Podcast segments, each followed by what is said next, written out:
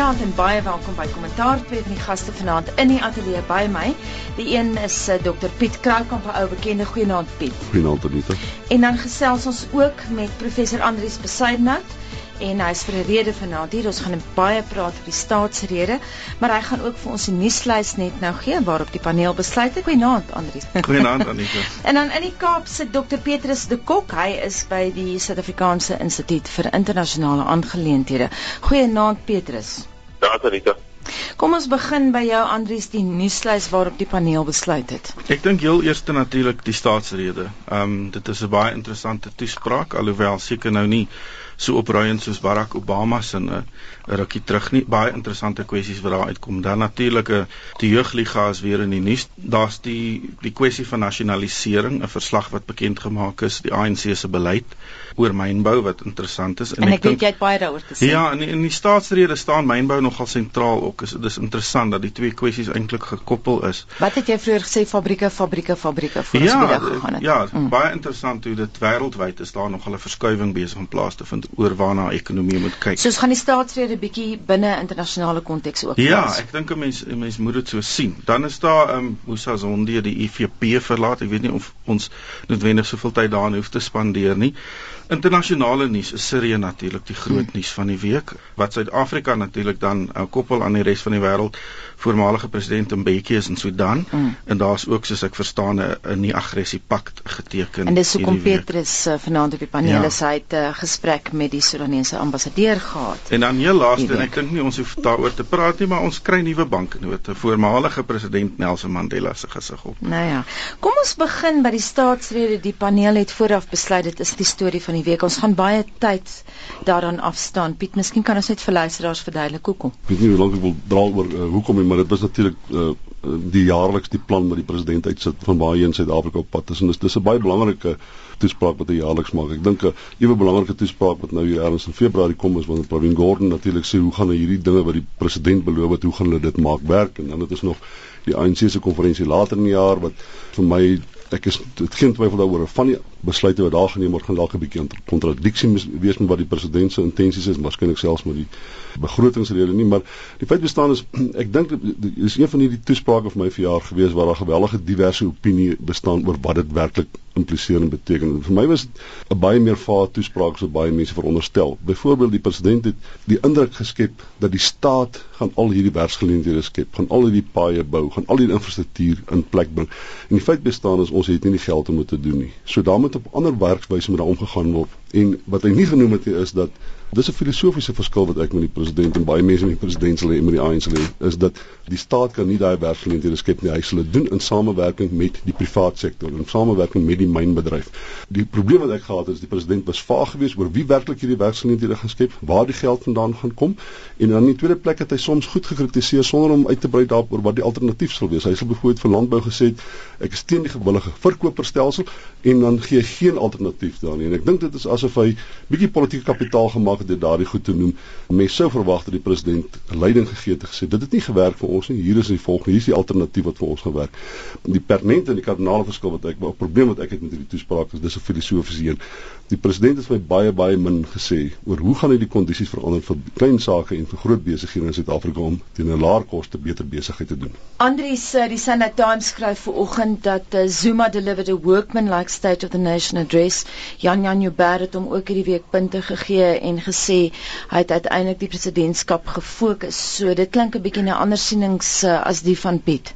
Ja, kyk waar ek met Piet saamstem is die kwessie van landbou. Daar's bitter min aandag aan landbou gegee. Hy het gepraat oor grondhervorming, maar die feit dat baie van die grond wat herverdeel is, daar nie meer landbouaktiwiteite op plaasvind nie, is nie genoem nie. En ek dink die breër makro-ekonomiese konteks en infrastruktuur vir landbou is net so belangrik as wat dit vir mynbou is. Ons voer nou kos in en in die verlede het ons landbouprodukte uitgevoer. So daar stem ek saam. Waar ek egter nie meer nie met Piet saamstem nie, is die breër benadering van die staat tot die ekonomie. Ek dink die verlede jaar kan ek onthou het ons ook hieroor gepraat. En toe het hy gesê in sy staatsrede ons gaan nie 'n welsynstaat wees nie, ons gaan 'n ontwikkelingsstaat wees. En ons het toe gevra wat sou dit dan beteken? Ek dink die staatsrede hierdie jaar gee ons baie meer duidelikheid oor wat hierdie ontwikkelingsstaat gaan doen. Kan ek aanhaal uit die toespraak? Ek het dit baie fyn gaan lees. Baie vroeg in die toespraak sê hy as a developmental state that is located at the center of a mixed economy, we see our role as being to lead and guide the economy and to intervene in the interest of the poor given the history of the country. Mm. Met ander woorde, dit is 'n gemengde ekonomie waar die staat wel 'n rol sal speel. Wat ons ook verlede jaar baie bespreek het, is die spanning tussen Trevor Manuel aan die een kant en dan Ibrahim Patel aan die ander mm. kant. Ek dink ek steek my kop dalk bietjie nou ver uit of my nek bietjie ver uit, maar ek dink daai spanning is iets van die verlede. Ek dink daar's eensstemmigheid in die regering oor waarheen ons gaan. Ehm um, verlede jaar is daar 'n uh, 10 miljard rand uh, gegee aan aan 'n werkskepingsfonds. Die president noem die aantal projekte en die geld wat spandeer is daaraan. En ek dink die feit dat werkloosheid afgeneem het, alhoewel nie daar's nie groot afnames in werkloosheid maar ek dink 'n belangrike punt wat die president maak is baie van haar werksgeleenthede is nie formele sektor geskep nie in die informele sektor nie.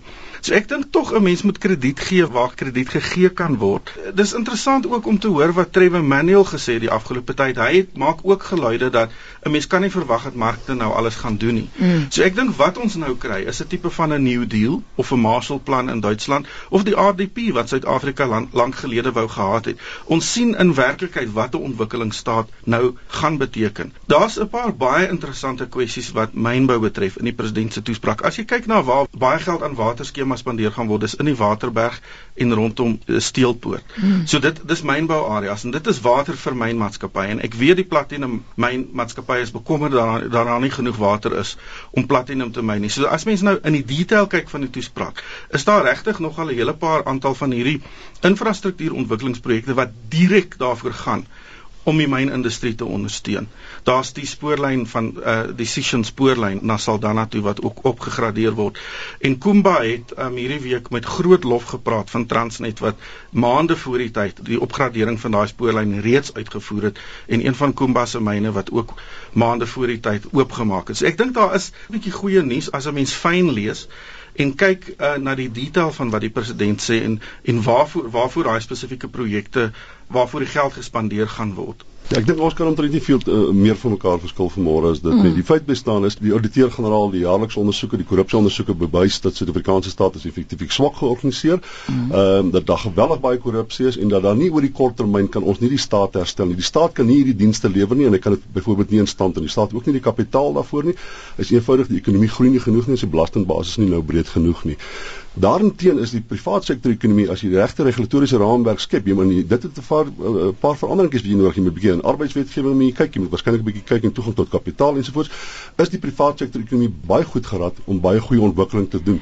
So my argument is die president ek kan nou vir jou sê die staat 'n ontwikkelingsstaat se basiese kenmerk is dat hy baie effektief is, baie goed ingebed is in die samelewing, baie goed in die in in in die markte in die markte funksioneer, baie goeie ooreenkomste. Ons het dit nie in Suid-Afrika nie. Dit help nie ons probeer daai pad loop nie want filosofies gesproke het ons nie die effektiewe staat wat ons nodig het om dit te doen nie. Ons moet ongelukkig in 'n groot mate met die private sektor se ekonomie saamwerk en dit is waar ek die probleem het. Niks van hierdie eh, goed wat die president beloof het in sy begroting toespraak het die Suid-Afrikaanse staat of die kapitaal of die organisatoriese vermoë om te lewer nie. Hmm. Jy moet dit doen in grootliks in, in oorlegpleging met die mynbedryf en met die private sektor en uh, ek dink nie ons dit, dit wil nie vir my lyk like, asof die ANC dit voorsien nie. Nou ja, Piet en Andrius verskille bietjie vanaand hier. So kom ons hoor wat sê um, Petrus.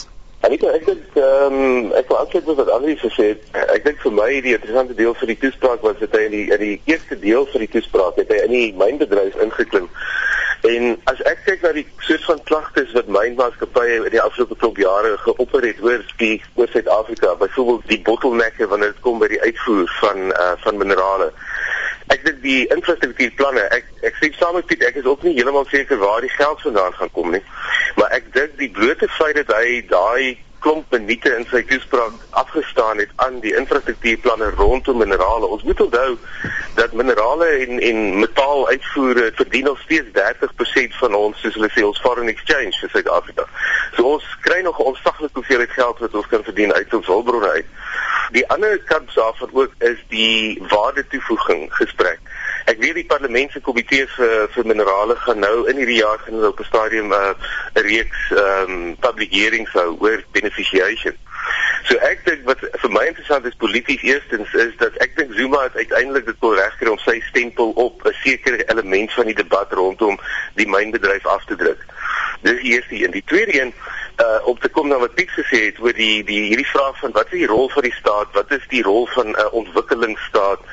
Ek dink wat vir my natuurlik fascinerend is, as jy kyk wat in Suid-Afrika gebeur in die internasionale konteks waar gegee die finansiële krisis en gegee wat in ander ekonomieë aan die gang is, is daar definitief 'n baie pertinente skuif terug na die vraag van wat is die rol van die staat? Hoe is die staat soort van 'n 'n 'n dynamo wat kan ontwikkeling genereer of of of uh, skep?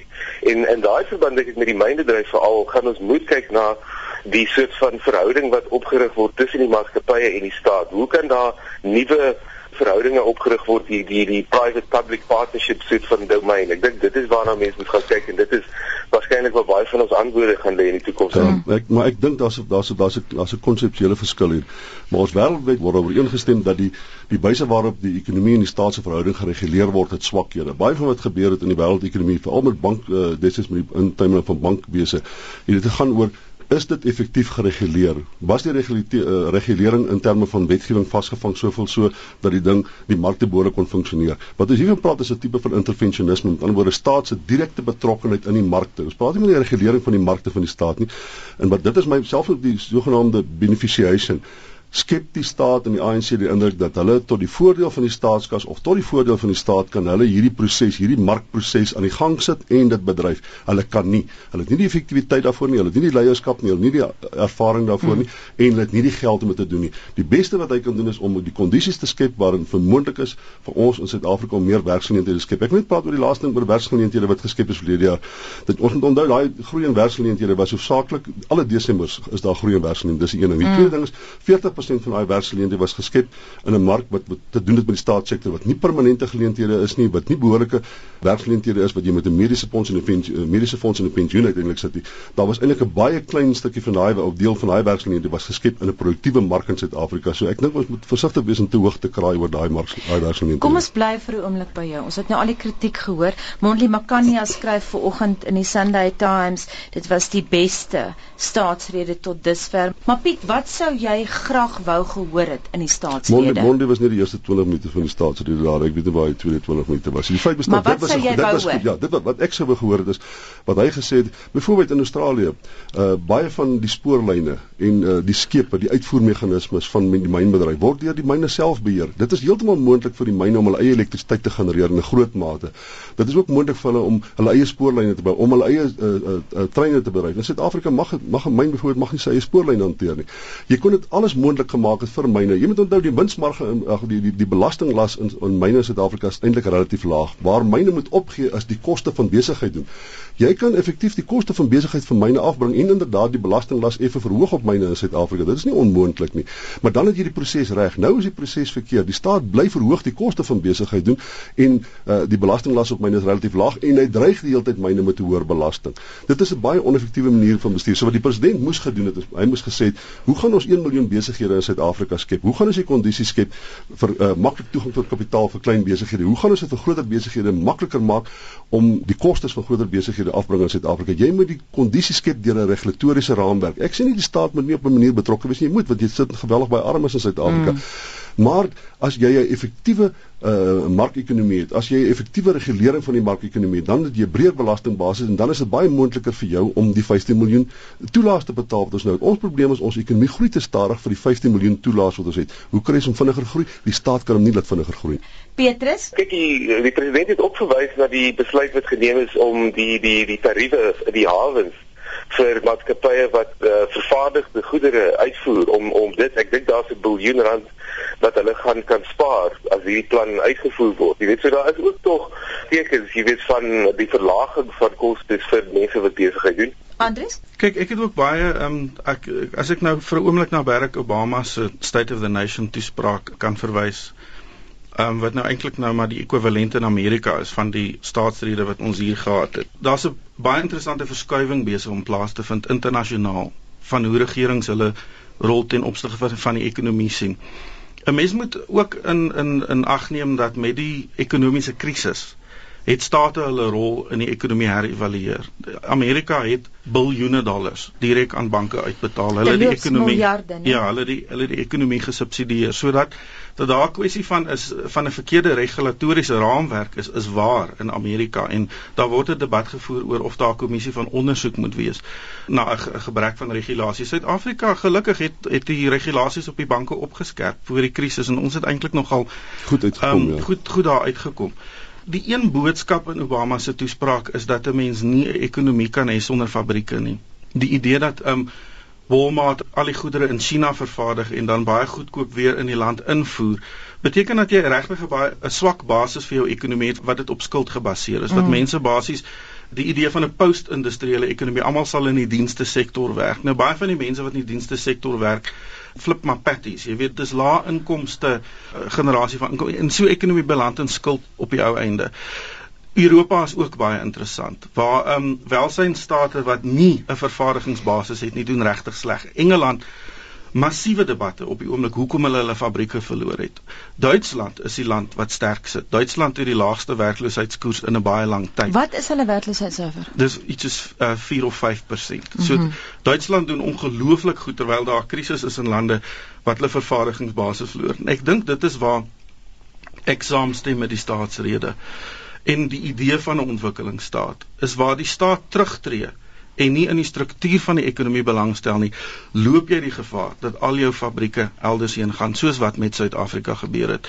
So 'n paar jaar gelede het ons gepraat van ons ekonomie as 'n geïndustrialiseerde ekonomie waar kompetisie belangrik is. As mens nou kyk na wat Zuma sê, is hy praat van Suid-Afrika as 'n land, 'n mynbouland wat moet industrialiseer. Daar het 'n groot verskuiwing plaasgevind oor hoe ons na ons ekonomie kyk en dit gaan nie net oor hoe Suid-Afrika daarna kyk nie ek dink wêreldwyd is daar 'n herevaluering van die rol van die state in die in die ekonomie. So Piet met alle respek, ek dink jou perspektief op die ekonomie en die staat is 'n bietjie outdated. Die dinge het verskuif op die oomblik en ek dink die Suid-Afrikaanse staat is meer in pas met internasionale tendense as daai ek dink redelik geuite idee nou dat die staat net moet terugstaan dat markte die ding moet doen. Ek dink mm. daar die staat sien 'n rol vir markte. Dis 'n baie meer pragmatiese benadering as die ideologiese benadering van die verlede waar markte alles dryf. Nee, wat ek ek dink is ek dink as jy deur die ou ideologiese bril kyk, as jy ideologie gebruik vir 'n raam vir wyse raamwerk, dan is enigiets oud. Maar ek kan nou vir jou sê, dit is nie oudtyds om te argumenteer dat die staat skep kondisies. Die staat is in 'n groter mate verantwoordelik vir die skep van kondisies wat hy ooit tevore was. In die verlede het mense as dit ware omtrent gedink markte sal die kondisies op uh, self self skep. Met ander woorde, mm. markte te geneigd het om homself uit te sorteer oor tyd. Dit is nie meer so nie. Ons aanvaar nou dit te kompleks en te groot geword en die staat moet op bewyse dit reguleer. Die denkfout wat ek dink wat Andries maak is en dis baie basies. Jy kan net as jy effektiewe en 'n sterk staat het, kan jy 'n ontwikkelingsstaat word.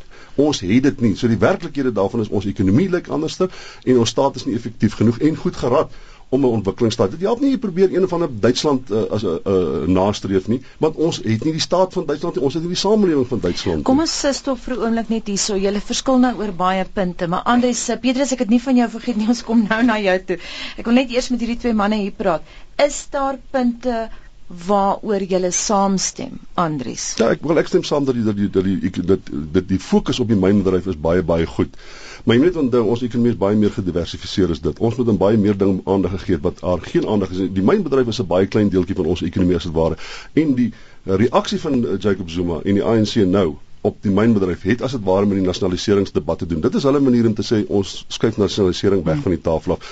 En dis in reaksie op die feit dat die mynbedryf het verlede jaar wêreld in Suid-Afrika hier rondom 1% of selfs minder gegroei en wêreldwyd hier tussen 5 en 5.5% gegroei. So hulle hulle reageer daarop. En uh, Andries, verstaan jy sekere punte van Piet se kommer? Wat ek beslis met Piet saamstem is dat die staat nie die kapasiteit altyd het om te doen wat hierdie planne sê hulle moet doen nie. Hmm. Wat ek wel wil noem is dat baie van hierdie gesprekke gebeur in Netlek. Stilweg word daar onderhandel, daar word onderhandel oor arbeidswetgewing. Ons het instellings wat baie ander meer autoritaire ontwikkelingsstate nie gehad het nie vir maatskaplike dialoog. So ek dink Netlek is interessant en die nasionale beplanningskommissie se planne, die groeipad wat die regering wil hê, word alles in Netlek bespreek. So ek dink daar word meer gesprek gevoer miskien as in ander lande. Wat ek ook wil noem, en miskien nou om op 'n ligter noot, my vriend Harry Kamer, die skrywer mm -hmm. van mhm. Vlieger in rapport het hierdie week op Facebook gesê Viva um, Pockets of Excellence. Sy kinders het hulle paspoorte binne 6 dae gekry. Ehm um, en iemand vra toe so waarheen gaan julle? En tong in die kies is hy toe antwoord toe Orania toe. Ehm um, dit is baie interessant wat by binnelandse sake gebeur het waar 'n hoogs oneffektiewe hmm. staatsdepartement met 'n gefokusde intervensie nou een van die mees suksesvolle ja. staatsdepartemente is. En ek dink almal wat vir ID dokumente en paspoorte aansoek doen, kan getuig daarvan. So ek dink tog ons moenie te pessimisties wees oor wat gedoen kan word as ons die politieke wil het om dit te doen ja, nee, om die staat nou, ek ek het geen twyfel dat baie kan in 'n home affairs of 'n uh, binnelandse saak is 'n is 'n pragtige voorbeeld. Hmm. Ek dink dit is my argument dat die staat kan omgedraai word. Ek soek net die die tendense binne die regering wat vir my wys dat daar die politieke wil is om te doen. Want home affairs dink ek het of binnelandse sake is eintlik deur een persoon omgedraai ja. deur deur uh, die minister. Deur die minister. Hmm. Dit is moontlik om al die goed te doen. Maar as jy kyk na die outeer-generaal se verslag, as jy kyk na die korrupsie en die wanbestuur en as jy kyk na die hoe die instellings van die staat steeds gemanipuleer word om 'n politieke agenda te pas, dan sê ek vir ons 'n baie lang pad vir ons hele staat gaan omdraai. Hoor die hele twee domineer die debat bietjie. Ons moet vir Petrus se kans gee. Ek weet hy het ook baie te sê. Petrus, wil jy inkom hierso? Ja, nee, ek dink dit uh, iets wat baie opgeval het uit die toespraak, het jy net gevra is daar iets wat nie genoem is nie. Ek hierdie was vir my 'n gesprek vir 'n uh, 'n uh, uh, toespraak vir Suid-Afrikaners. En dit was 'n toespraak vir Suid-Afrikaanse politiek. Ek dink ook die langtermyn denke wat begin deurkom in die manier hoe president Zuma homself posisioneer is baie duidelik wat sy sy agenda binne die ANC is. Dis al 'n geval van uh hoor jy ek rol al die groot planne uit en ek is die ou wat ons moet lei idees, so gee my 'n tweede termyn. Ek dink dit is een ding wat wat definitief daar vir my onderstreep is en die ander ding wat my opgeval het, daar was nie veel oor buitelandse beleid nie en oor internasionale verhoudinge nie. En ek dink dit is vir my iets wat my so 'n bietjie vreemd opval gegee die feit dat um, gisteraand was ek by die Dirkou uh, jaarlikse uh, ministeriële ete gewees. En dit is van al 14 ministers van buitelandse sake van die SADC lande was daar gewees en die en toe kom die Angolese minister en hy sê 'n kort toespraak waar hy sê een van die redes hoekom hulle in Suid-Afrika is is om die verkiesing uh, kampanje vir Dlamini Zuma vir die voorsitterskap vir die Afrika Unie uh, te bespreek en om 'n meer gekoördineerde poging te loods vir Junie Julie wanneer die volgende verkiesing gebeur. En ek wil net vinnig noem dat ek dink dit is vir president Zuma uiters belangrik. Suid-Afrika is nou in die vir, vir, die veiligheidsraad van die VN en ons as ons die voorsitterskap van die Afrika Unie kan kry, mm. dan kan ons baie meer konstruktief werk aan hierdie uh, debat nou tussen die Afrika Unie en die VN oor 'n uh, nadere samewerking tussen die veiligheidsraad en die en die Afrika Unie se Peace and Security Council. So ek dink net ek wil bietjie meer gesien het oor Suid-Afrika se internasionale beleid in hierdie jaar um, uit president Zuma se toespraak uit. Petrus net kortliks, stem jy saam met Andries oor die uh, twee ekonomiese kampe waaroor ons verlede jaar so baie gepraat het, die Ibrahim Patel kamp versus Trevor Manuel. Die twee kampe beweeg nou nader. Andries praat van een benadering van die staat. Daar is nie meer daai kampe nie. Stem jy saam? Ek dink so ja, ek dink so. Ek dink die denke wat nou, ek dink dit sal hier sien dit laat verlede jaar. Ehm um, wat ek begin sien kom met uit die verskillende kringe uit van die regering. Dink ek daar's definitief 'n beter soort van 'n 'n ooreenkoms tussen hulle oor die breër visie wat ons nou moet kyk. En ek dink ook wat vir my baie belangrik is, is die langtermyn denke wat jy ontwikkel nie fabrieke en industrieë en damme en paaie en hierdie goed oor 1 of 2 jaar nie. Jy kyk na 5 jaar, 10 jaar 20 jaar periode so al in die mynbedryf. En die ander ding wat ons op moet wat ek ook wil gefinnig wil ingooi wat vir interessant is, ek dink 'n week of twee terug in die Mining Weekly tydskrif was daar 'n groot artikel gewees oor planne vir wat hulle noem van 'n uh, kyk die Amerikaners in die Silicon Valley. Nou praat hulle van 'n Platinum Valley. En ons moet ook onthou dat ons sit op 70% van die wêreld se platinum. Die nuwe tegnologieë vir alternatiewe forme van energie, soos byvoorbeeld die die Engelse woord die fuel cell tegnologie, ehm um, die die die gebruik van platinum in die motorindustrie en in verskillende ander verskeie ander uh, industrieë, dink ek daai kant van denke of daai soort van 'n ingryp wat nodig is tussen die en verhouding tussen die staat en maatskappye is uiters belangrik in die toekoms in om meer waarde by ons hulpbronne te voeg en om te industrialiseer en om in en om belegging te lok hmm. in daardie industrie.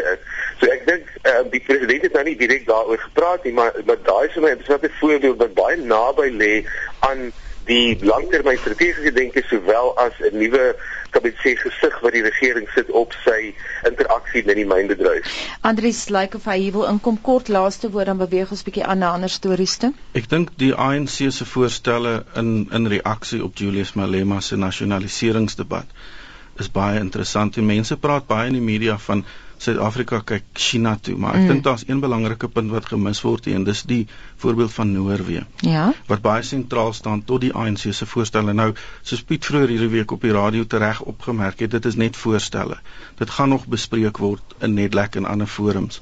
Maar die een baie interessante voorstel daarvoor is vir 'n nasionale fonds vir inkomste uit belasting op die myne wat Noorwe het vir olie.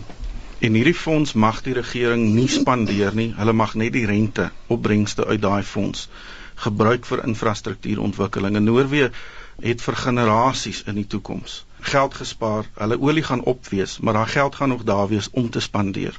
En ek dink met die goudbedryf het ons gesien hoe om dit nie te doen nie. Johannesburg sink in sianiet af. En ehm um, ons het nie die geld om daai ding aan te spreek nie, maar as 'n mens die platinum wat daar nou is, gebruik en daai geld wegsit vir toekomstige generasies, gaan hierdie regering moontlik werklik 'n verandering kan bring aan die land. En ek dink daai is baie interessante voorstelle wat 'n mens maar kan dophou. Piet Ja nee, ek ek, ek weer eens ek ek ek dink nie die die die die die staat hierdie fonds spesifiek het met die oliebedryf te met die energiebedryf te doen, verstaan jy? En ek dink in Namibië spesifiek het hulle nou ook olie ontdek. Ja, ja. En die argument is juist hoe gaan die staat spandeer en daai voorstel van dat jy net jou jou begroting subsidieer is natuurlik die beste voorstel van die klomp. En as Namibië homself wil red van 'n baie donker toekoms, dan moet dit op die Noorse wyse doen. Dit is inderdaad so. Ek dink net in Suid-Afrika daar gaan die staat moenie so betrokke wees dat hy vermoed om meer as normale effektiewe belasting te onttrek nie. Daar kan nie sprake wees van so 'n fondsie dan onttrek die staat eenvoudig te veel. Jy moet onthou ons uh, het 80% van die wêreld se plat en ons voorsien maar 20% van die wêreld se mark. So mm. ons is nie effektief genoeg in die lewering daarvan nie. Ons kan nie regtig kompeteer nie. En ek dink ons het ons moet eers 'n hele klompie huiswerk doen voordat ons kan dink aan 'n effektiewe staat. Petrus stem jy saam met Piet? Man, ek uh, dink ons mynbedryf is baie anders. Ek het al heelwat werk in die mynbedryf gedoen en en, en vir my die interessante ding van van Suid-Afrika is ons dink altyd net aan myne as gate uit die grond. As jy kyk na die die soort van vermoëns wat in die Suid-Afrikaanse ekonomie sit rondom die mynbedryf. In terme van ons het nog steeds maatskappye wat groot infrastruktuur goed soos mynpompe en toerusting verskaf aan die mynbedryf. Daai kant byvoorbeeld binne die Suid-Afrikaanse ekonomie is uiters dinamies.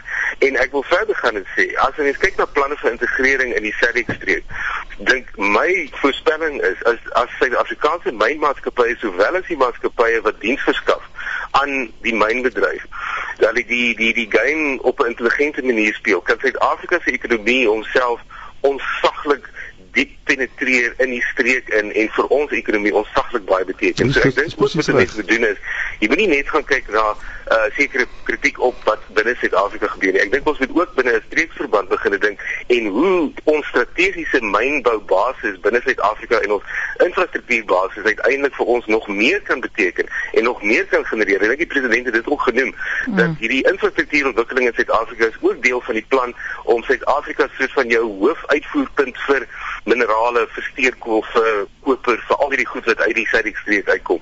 So ek dink daar's ander kante ook, maar dis 'n heel ander ander debat nee, op ander. Dis 100% reg. Dit is presies wat dit is. Ek maar soos wat die, ek dink ek klim met op Pieter gesê die dienste kan reeds gelewer word in die mm. mynbedryf.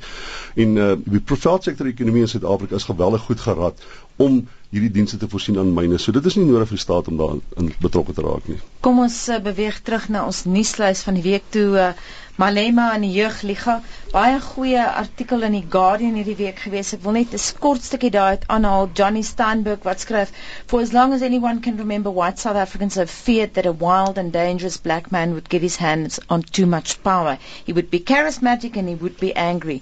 This fearful vision is wired into white South African DNA.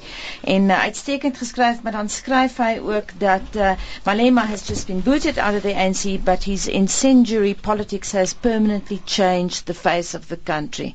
Andries. Ja, Stanbouke maak 'n baie interessante argument. Hy's natuurlik 'n Suid-Afrikaner mm. wat in Engeland woon op die oomblik en die artikel nou in die Guardian geskryf vir die week. Um en dit is baie interessant hoe dit is eintlik nog 'n komplekse argument. So dis moeilik om om die hele ges, gesprek op die radio te gaan. Maar sy punt is Malema as persoon mag dalk geneutraliseer word, maar die tipe populistiese politiek waarvoor mm. Malema staan staan baie meer sentraal tot die Suid-Afrikaanse politiek nou as wat dit gestaan het in die Mbeki era en tot 'n mm.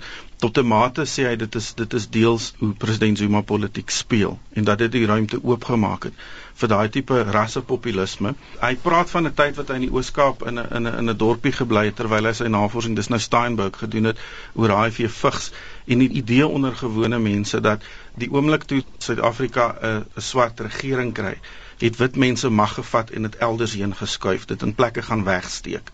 En vir hulle is Malema die tipe figuur wat daai geld kan gaan uitsniffel mm. en dit vind. So sy sukses word gesien as 'n tipe van 'n nie korrup nie, maar die man is slim. Uh, hierdie mense is besig om ons te kil uit die land wat ons moes gekry het en kyk hy kan hierdie mense uitoorlê. Nou ja. Ja, ek weet ek ek ek, ek Johnny Steinberg skryf nou al die baie baie goeie boeke, maar meestal dink ek sit hy baie keer die pot uh, mis. Hy praat oor wit is nee, as hierdie 1% mense wat blikkies kos bymekaar gemaak het word nou wit is. Verstaan jy? Die, hmm. die 1% mense wat op 'n primitiewe manier vir Julius Malema vrees word nou wit is. Die feit bestaan is en, en Julius Malema is nie die verskynsel wat iemand soos Johnny Steinberg hom wou maak nie. As hy was, dan sou die ANC nie so baie maklik vir hom ontslaag geraak het nie. As hy was, sou Johannesburg gebrand het minstens die dag toe die dissiplinêre komitee besluit dit is die einde van sy mm -hmm. politieke loopbaan. Hy's 'n marginale verskynsel gewees. Aktivisme in Suid-Afrikaanse politiek politiek is nie meer so pertinent en prominent nie. Om die waarheid te sê, daar's dis 'n tannende verskynsel en daar's geen rede om te dink dat nie uh, dat wites het hierdie verskriklike vrees gehad nie. Net so wat daar word soveel politieke kapitaal gemaak om te sê wites is rassisties. Wites vrees die swartes. Wites haat Malema. Wites maak kos bymekaar. Dit is 'n marginale verskynsel. Selfs binne die Vryheidsfront is dit maar 'n klein verskynsel en dis aan die regse kant of die konservatiewe kant van politiek. Klein verskynsel van mense wat daai tipe gedrag openbaar. Petrus Sudan en Sirië natuurlik weer hierdie week in die nuus, maar jy het 'n interessante gesprek gehad met die Sudanese ambassadeur in Suid-Afrika. Ja, weet jy, dit is nou toevallig gister, toe sit ek by die tafel saam met die ambassadeur ons Kebekane al redelik goed en en hy sê dit vir my dat gister op Saterdag, ek dink die nuus sal seker nog in uitkom in die volgende dae dat daar 'n nuwe ooreenkoms geteken is tussen die noorde en die suide. Dit is basies 'n tipe non-aggressie pak En interessant genoeg is dit is 'n 'n posisie wat die uh, Sudan-se ambassadeur in Suid-Afrika al lank al op. Hy het al hier verlede jaar in gedurende die referendum in die suide al het hy daai opinie ge, gelig wat hy gesê het maar ons moet 'n uh, tipe ooreenkoms teken. Natuurlik in die agtergrond hiervan nog is die struweling rondom die die olie-industrie. Daar moet nog uh, 'n uh, nuwe ooreenkoms gemaak word oor die uitvoer van die suidelike olie. Daar was 'n skuwe in die laaste week of twee van die suide wat dreig hulle gaan hulle produksie stop. Ehm um, dan word daar stories uitgekom van die noorde wat hulle olie steel. Maar ek dink ons moet verstaan dit op in balans van die groot die massiewe skaal van die storie van die opdeel van die Sudan. Ek dink ek het die Sudan tot dusver toe vir ons gewys, maar ja, jy kan dit sonder te vreeslik baie geweld doen. En tweedens ook het dit vir wysheid vir 'n mens dat die ehm um, daar is nog 'n bereidwilligheid om met mekaar te praat en om die probleme in die gesig te staar en om saam te werk. So ek ek dink regtig dit is meer soet van 'n dis 'n bietjie van 'n hoop wat ek uitdruk dat daai gees van samewerking sal kan voortgaan. Wat mense ook moet uh, onthou in die Sudan is dat die moeilike streke op hierdie stadium is die plekke soos die suide van die Kordofan, dis die Abyei streek wat nog steeds nie 'n uh, uitsluitsel is of hulle gaan ingesluit word in die noorde of die suide nie. So ja, daar's nog heelwat kwessies wat aangespreek moet word, maar in die groter prentjie, ehm um, lyk dit nie so sleg as wat party mense dit wil wil uitmaak nie. Ons het baie min tyd oor. Ons moes nog oor Sirië praat, maar uh, die sal seker nog lank in die nuus wees. Piet, ek weet jy uh, dit lyk of jy wil inkom ja, hier op iets wat da, Petrus gesê het. Dit lyk my ek dink ja, Petrus het, het redelik meer kennis oor die ding, ja. maar dit lyk my daar twee wyse waarop hierdie tipe van geskille besleg word. Die een is wat mense dikwels met die Amerikaners assosieer dat daar moet een of ander nuwe regime kom, daar moet 'n nuwe orde kom wat sê net maar die meerderheid verteenwoordig. En dan is daar 'n tipe van ding waar jy 'n kompromie aangaan waar jy diverse gesagsgroepe binne die bestaande geveg kry en jy kry hulle om een of ander kompromie aan te gaan. Nou daai is hierdie tweede model word dikwels met die Afrika Unie geassosieer en natuurlik die eerste model word met NATO en met die Amerikaners geassosieer.